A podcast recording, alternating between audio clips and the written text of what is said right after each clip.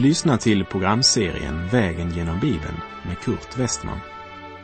Programmet sänds av Transworld Radio och produceras av Norea Radio Sverige. Vi befinner oss nu i Daniels bok. Slå gärna upp din bibel och följ med. Vi befinner oss fortfarande på vandring genom det andra kapitlet i Daniels bok. Jag avslutade förra programmet med att säga att vi i nästa program ska lägga märke till att det fjärde riket, det får ganska så stor uppmärksamhet. Och det är det vi nu ska se lite närmare på. Vi läser Daniels bok kapitel 2, verserna 40 till och med 43. Det fjärde riket ska vara starkt som järn, för järnet krossar och slår sönder allt så som järnet förstör allt annat skall också detta krossa och förstöra.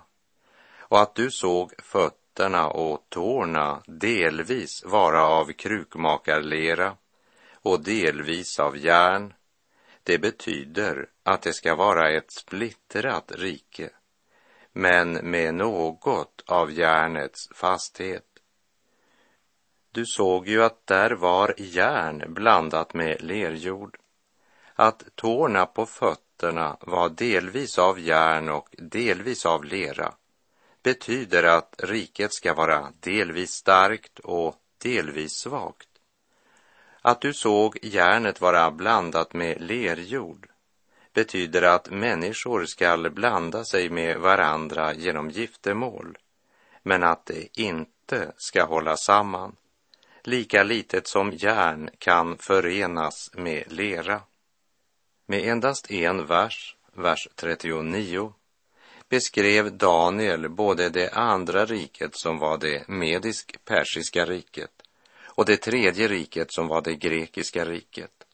Men när han kommer till det fjärde riket så får det mer än dubbelt så mycket uppmärksamhet som det andra och det tredje riket tillsammans fick. Och det är väl ingen tvekan om att det fjärde riket är det romerska riket.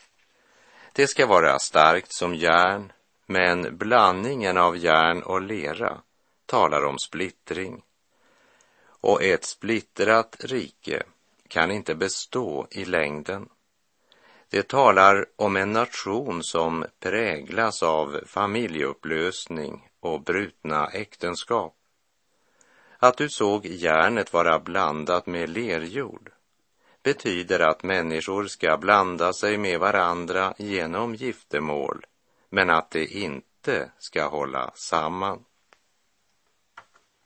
Och historikerna är ganska så eniga om att det var inre förfall, moraliskt förfall och familjeupplösning som förorsakade det romerska rikets undergång. Människorna blandade sig med varandra genom giftermål, men när levnadsstandarden steg blev människorna mer och mer upptagna av njutning och personlig vinning. Livsstilen blev mer och mer ytlig. Ordet ansvar försvann från ordlistan och ersattes av ord som tidsfördriv och kötslig tillfredsställelse. Moralupplösningen tilltog mer och mer tills man inte längre kunde hålla samman familjerna. Att du såg järnet vara blandat med lerjord betyder att människorna ska blanda sig med varandra genom giftermål, men att det inte ska hålla samman, lika lite som järn kan förenas med lera. Att familjerna inte kunde hålla samman det är början på en kulturs undergång. Så var det i det romerska riket och så ska det bli i ändetiden. Vi läser Daniel kapitel 2, verserna 44 och 45. Men i de kungars dagar skall himmelens Gud upprätta ett rike som aldrig i evighet ska förstöras och vars makt inte ska överlämnas till något annat folk. Det skall krossa och göra slut på alla dessa andra riken, men självt skall det bestå för evigt. Du såg ju att en sten revs loss från berget, men inte genom människohänder, och att den krossade järnet, kopparn, leran, silvret och guldet. Den store guden har nu uppenbarat för konungen vad som ska ske i framtiden och drömmen är sann och uttydningen tillförlitlig. Men i de kungars dagar ska himlens Gud upprätta ett rike.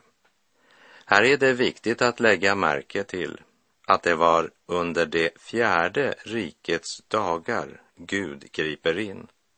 Och det var under det romerska imperiet Kristus föddes i Betlehem i Juda.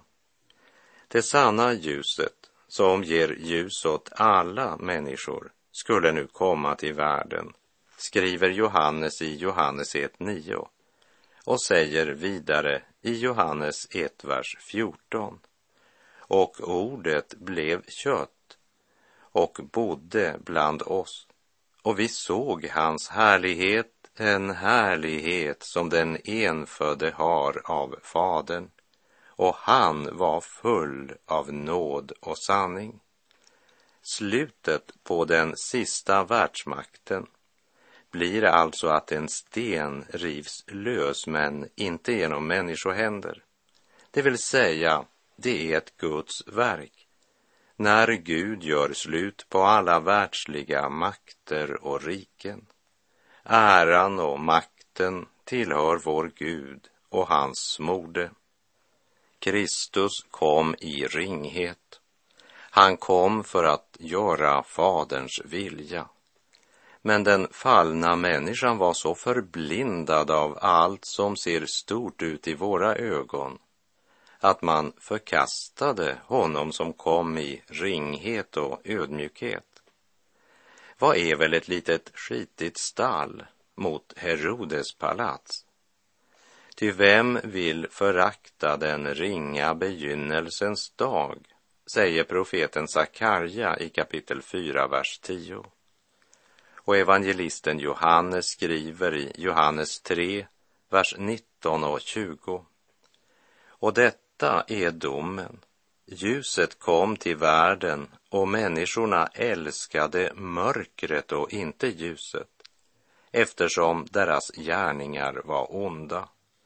Ty var och en som gör det onda hatar ljuset och kommer inte till ljuset för att hans gärningar inte ska avslöjas.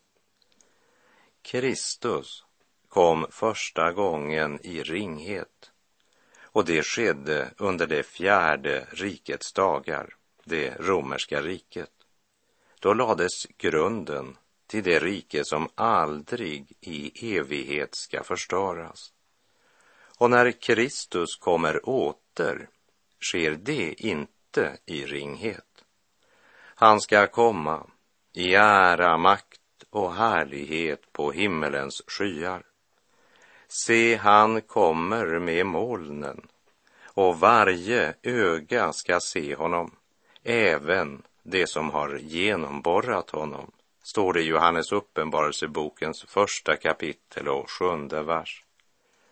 Daniel säger till Nebukadnessar, den store guden har nu uppenbarat för konungen vad som ska ske i framtiden och drömmen är sann och uttydningen tillförlitlig.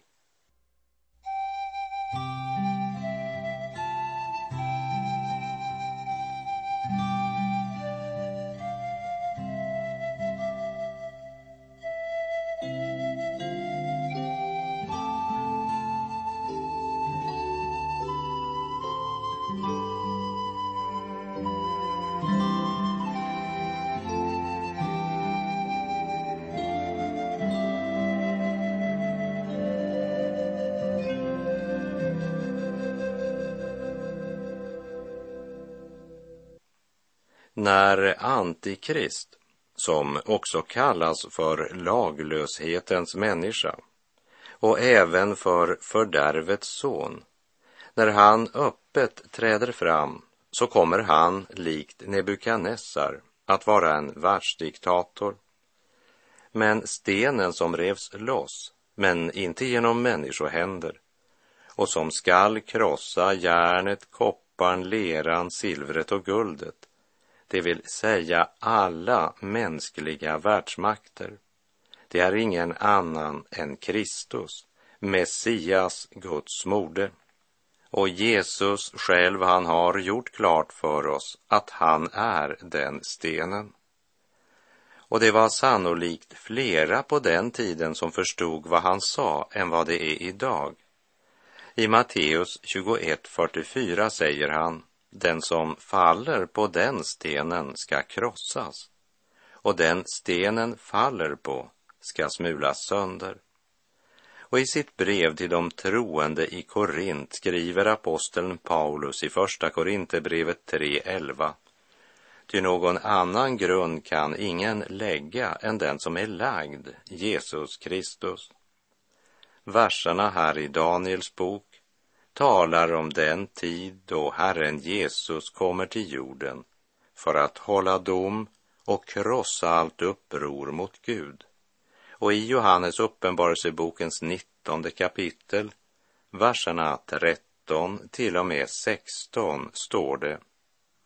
Han var klädd i en mantel som hade doppats i blod och det namn han hade fått är Guds ord. De himmelska herrarna följde honom på vita hästar och de var klädda i vitt, rent linnetyg och ut ur hans mun kom ett skarpt svärd som han ska slå folken med och han skall styra dem med järnspira och han trampar Guds, den allsmäktiges stränga vredes vinpress och på sin mantel och på sin höft har han ett namn skrivet, konungarnas konung och herrarnas herre. Människan inbillar sig i sitt övermod att det är hon som styr och regerar i denna värld. En utopi som med stormsteg närmar sig undergången av vår civilisation. Människan vill inte inse att vi lever i en värld som står under Guds dom. Och människan vill inte ödmjuka sig inför Gud och vända om. Jag har hört människor säga, ja, jag tar chansen på att det ska gå bra för mig. Kära ofrälsta vän, hör denna sanning. Du har inte en chans du är evigt förlorad. Du är utan Gud och därmed utan hopp för evigheten. Kanske du ibland har en eller annan tanke på att bli religiös. Men längre än så kommer du visst aldrig. Och innan du vet ordet av så är det för sent. Gud kommer att döma synden. Och när Gud drar sitt slutsträck, då är det slut på människans högmod och människans trots mot Gud.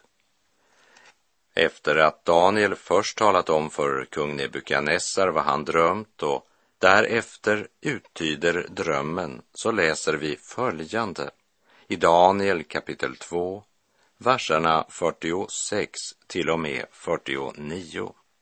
Då föll kung Nebukadnessar ner på sitt ansikte och tillbad Daniel och befallde att man skulle offra matoffer och rökelseoffer åt honom. Och kungen sade till Daniel, Gud är i sanning en gud över andra gudar, en herre över kungar och som uppenbarar hemligheter, eftersom du har kunnat uppenbara denna hemlighet Därefter upphöjde kungen Daniel och gav honom många stora gåvor och satte honom till herre över hela Babels hövdingdöme och till högste föreståndare över alla de vise i Babel. På Daniels begäran utsåg kungen Sadrak, Mesak och Abednego att förvalta Babels hövdingdöme, men Daniel själv stannade vid kungens hov. Nebukadnessar är inte dummare än att han inser skillnaden mellan alla dessa spåmän, trollkarlar och stjärntydare som för egen vinnings skull hade serverat kungen falsk tröst. Skillnaden på dem och Daniel ser han, han som förmedlar vad Gud har uppenbarat för honom. Nebukadnessar böjer sitt ansikte mot marken och befaller de andra att också göra det. Och han befaller att matoffer och rökelseoffer skulle bäras fram. Sedan avger Babels kung offentligt följande bekännelse. Gud är i sanning en Gud över andra gudar, en herre över kungar och en som uppenbarar hemligheter. Nebukadnessar både förstår och bekänner att Gud är Herre också över världsliga riken och härskare, hur imponerande och mäktiga de än kan se ut i människors ögon. Här går mina tankar till Kristus, den andre Adam som aldrig tillbet någon annan än Fadern. Paulus skriver i Romarbrevet 5, verserna 17 till och med 19. Ty om en endas fall gjorde att döden fick herravälde genom denne ende, hur mycket mer ska då inte det som mottar den överflödande nåden och rättfärdighetens gåva regera i liv genom denne ende, Jesus Kristus. Alltså, liksom en endas fall ledde till fördömelse för alla människor, så har en endas rättfärdighet för alla människor lett till en frikännande dom som leder till liv. Liksom de många stod som syndare på grund av en enda människas olydnad, så skulle också de många stå som rättfärdiga på grund av den endes lydnad. Kristus har aldrig tillbett någon annan än Fadern i himlen. Därför besegrade han denna världens förste. Låt oss läsa vad Jesus svarade djävulen när han frestade honom i öknen. Lukas 4, verserna 5 till och med 8. Då förde djävulen honom högt upp och visade honom för ett ögonblick alla riken i världen och sade Dessa rikens makt och härlighet vill jag ge dig, ty åt mig har den överlämnats och jag ger den åt vem jag vill. Därför skall allt vara ditt om du tillber mig. Jesus svarade, det står skrivet Herren din Gud skall du tillbe och endast honom skall du tjäna. Jesus var endast upptagen av att göra Faderns vilja. Och det var något av den hållningen vi möter även hos Daniel när han frestades att orena sig med kungens mat och vin. Tänk Daniel så bra det ordnar sig, trots att Jerusalem är ödelagt och du hamnat i Babel. Men du kan nog göra karriär här om du bara är lite diplomatisk. Ät och drick så mycket du vill av kungens mat och kungens vin. Var inte så fanatisk med de gamla reglerna. Det är en annan tid nu, Daniel. Och Gud kan ju inte vilja att du ska ha det svårt. Bara anpassa dig efter förhållandena så ska du se att det här går bra. Nej, säger Daniel och hans vänner kompromisslöst. Vi är upplärda i Mose lag och vi vill inte orena oss. Deras land är ockuperat. Jerusalem är ödelagt. Templet förstört. De är bortförda till Babel som fångar. Men Babel med sin omoral och ogudaktighet fick aldrig fotfäste i deras hjärtan. Deras kroppar är tvångsförflyttade till Babel, men deras hjärtan är i Jerusalem. Och det är ju i hjärtat frågan om tillbedjan avgörs. Daniel och hans vänner lät sig inte påverkas av Babels hållningar och värderingar. Istället för att bli påverkade av Babel var de med och påverkade både Babels kung och därmed hela Babylon. Det var på grund av Daniel och hans tre vänner som vi fick höra kungen i det hedniska Babel offentligt ropa ut.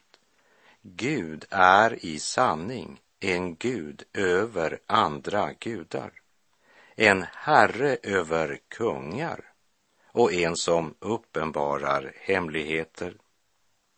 Och sedan upphöjde kungen Daniel och gav honom många stora gåvor och satte honom till herre över hela Babels hövdingdöme och till högste föreståndare för alla de vise i Babel. Daniel belönas av Babels kung och han var säkert också populär bland Babels alla spåmän, besvärjare, trollkarlar och stjärntydare. För de hade ju just blivit räddade undan dödsstraff. De hade Daniel att tacka för att de levde. Men efter en tid börjar nog missundsamheten, avundsjukan.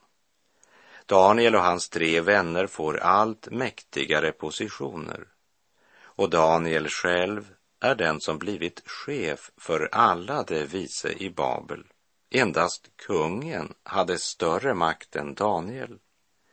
Allt det här mitt i det hedniska Babel med alla sina kulter och det mest ytterliggående former för villfarelse. Och mitt i allt det här står Daniel och hans tre vänner som ett salt i förruttnelsen. I sin bergspredikan sa Jesus, ni är jordens salt. Saltets gärning, det är inte att förbittra, men att bevara. Utan salt så ruttnade offerköttet. Saltet var absolut nödvändigt för att bevara offerköttet. Och därför talade kanske den här bilden starkare till dessa som lyssnade till detta budskap den gången än till oss idag. Salt i ett sår, det svider. Och en verklig Jesu efterföljare, han upplevs som svidande salt i samvetet på den jordiskt sinnade människan. Saltlös kristendom vinner ingen respekt i världen. Tvärtom så blir den trampad ner av människorna. Och det kan vi se idag. Men sältan hade inte gått förlorad varken hos Daniel eller hos någon av hans tre vänner. Och vi bör lägga märke till vad vi läste i Daniel kapitel 1 vilken central roll materialismen spelar när fienden ska försöka göra Jerusalems kungabarn till Babels tjänare. Daniel och hans tre vänner var kompromisslösa helt från deras första konfrontation med Babels frestelser. Vi läser och repeterar Daniel kapitel 1, vers 8. Men för Daniel var det angeläget att inte orena sig med kungens mat eller med vinet som han drack. Och han bad förste hovmarskalken att han inte inte skulle tvingas orena sig. Mer än en har kompromissat med sitt samvete. Och världen, ja, de har gärna kallat det för att vara vidsynt och tolerant. Världen verkade kunna acceptera ett salt som inte sved i syndasåren. Men resultatet blev inte att de vände om till Gud. Resultatet blev att man trampade ner Guds ord. För när kyrkan inte längre har mod att vara kyrka, ja, då duger den bara till att kastas ut och trampas ner av människorna. Och det är ju det vi ser ske idag. Avfallet, det kommer alltid inifrån. Låt oss bli stilla inför Herren och av hjärtat säga till honom Döm mitt hjärta här i tiden innan världen döms av dig och när tiden är förliden i ditt domslut fria mig. Har du mod att välja döden när dig livet bjudes än? Har du mod att låta Jesus ohörd vända om igen? Har du mod att vända ryggen till Guds rikes bröllopssal och istället sorglöst vandra mot ett djup av evigt kval? Har du mod att nalkas graven utan något grundat hopp? Mod när evighetens portar snart för dig och springer upp? Har du mod att slå i vädret Herrens maningar och bud? Har du mod att utan Jesus träda för all världens Gud? Och med det så är vår tid ute för den här gången. Sök Herren medan han låter sig finnas. Åkalla honom medan han är nära. Herren vare med dig, må hans välsignelse vila över dig. Gud är god.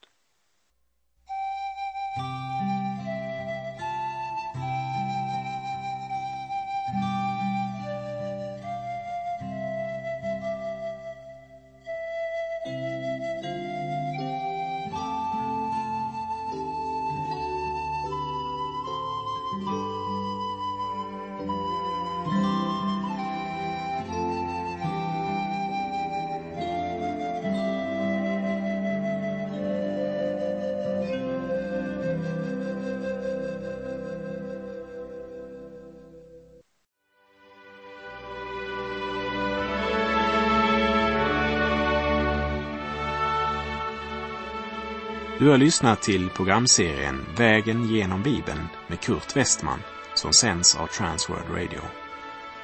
Programserien är producerad av Norea Radio Sverige. Om du önskar mer information om vårt radiomissionsarbete så skriv till Norea Radio Sverige, box 3419 103 68 Stockholm. Adressen är alltså Norea Radio Sverige box 3419. Postnumret 10368 Stockholm.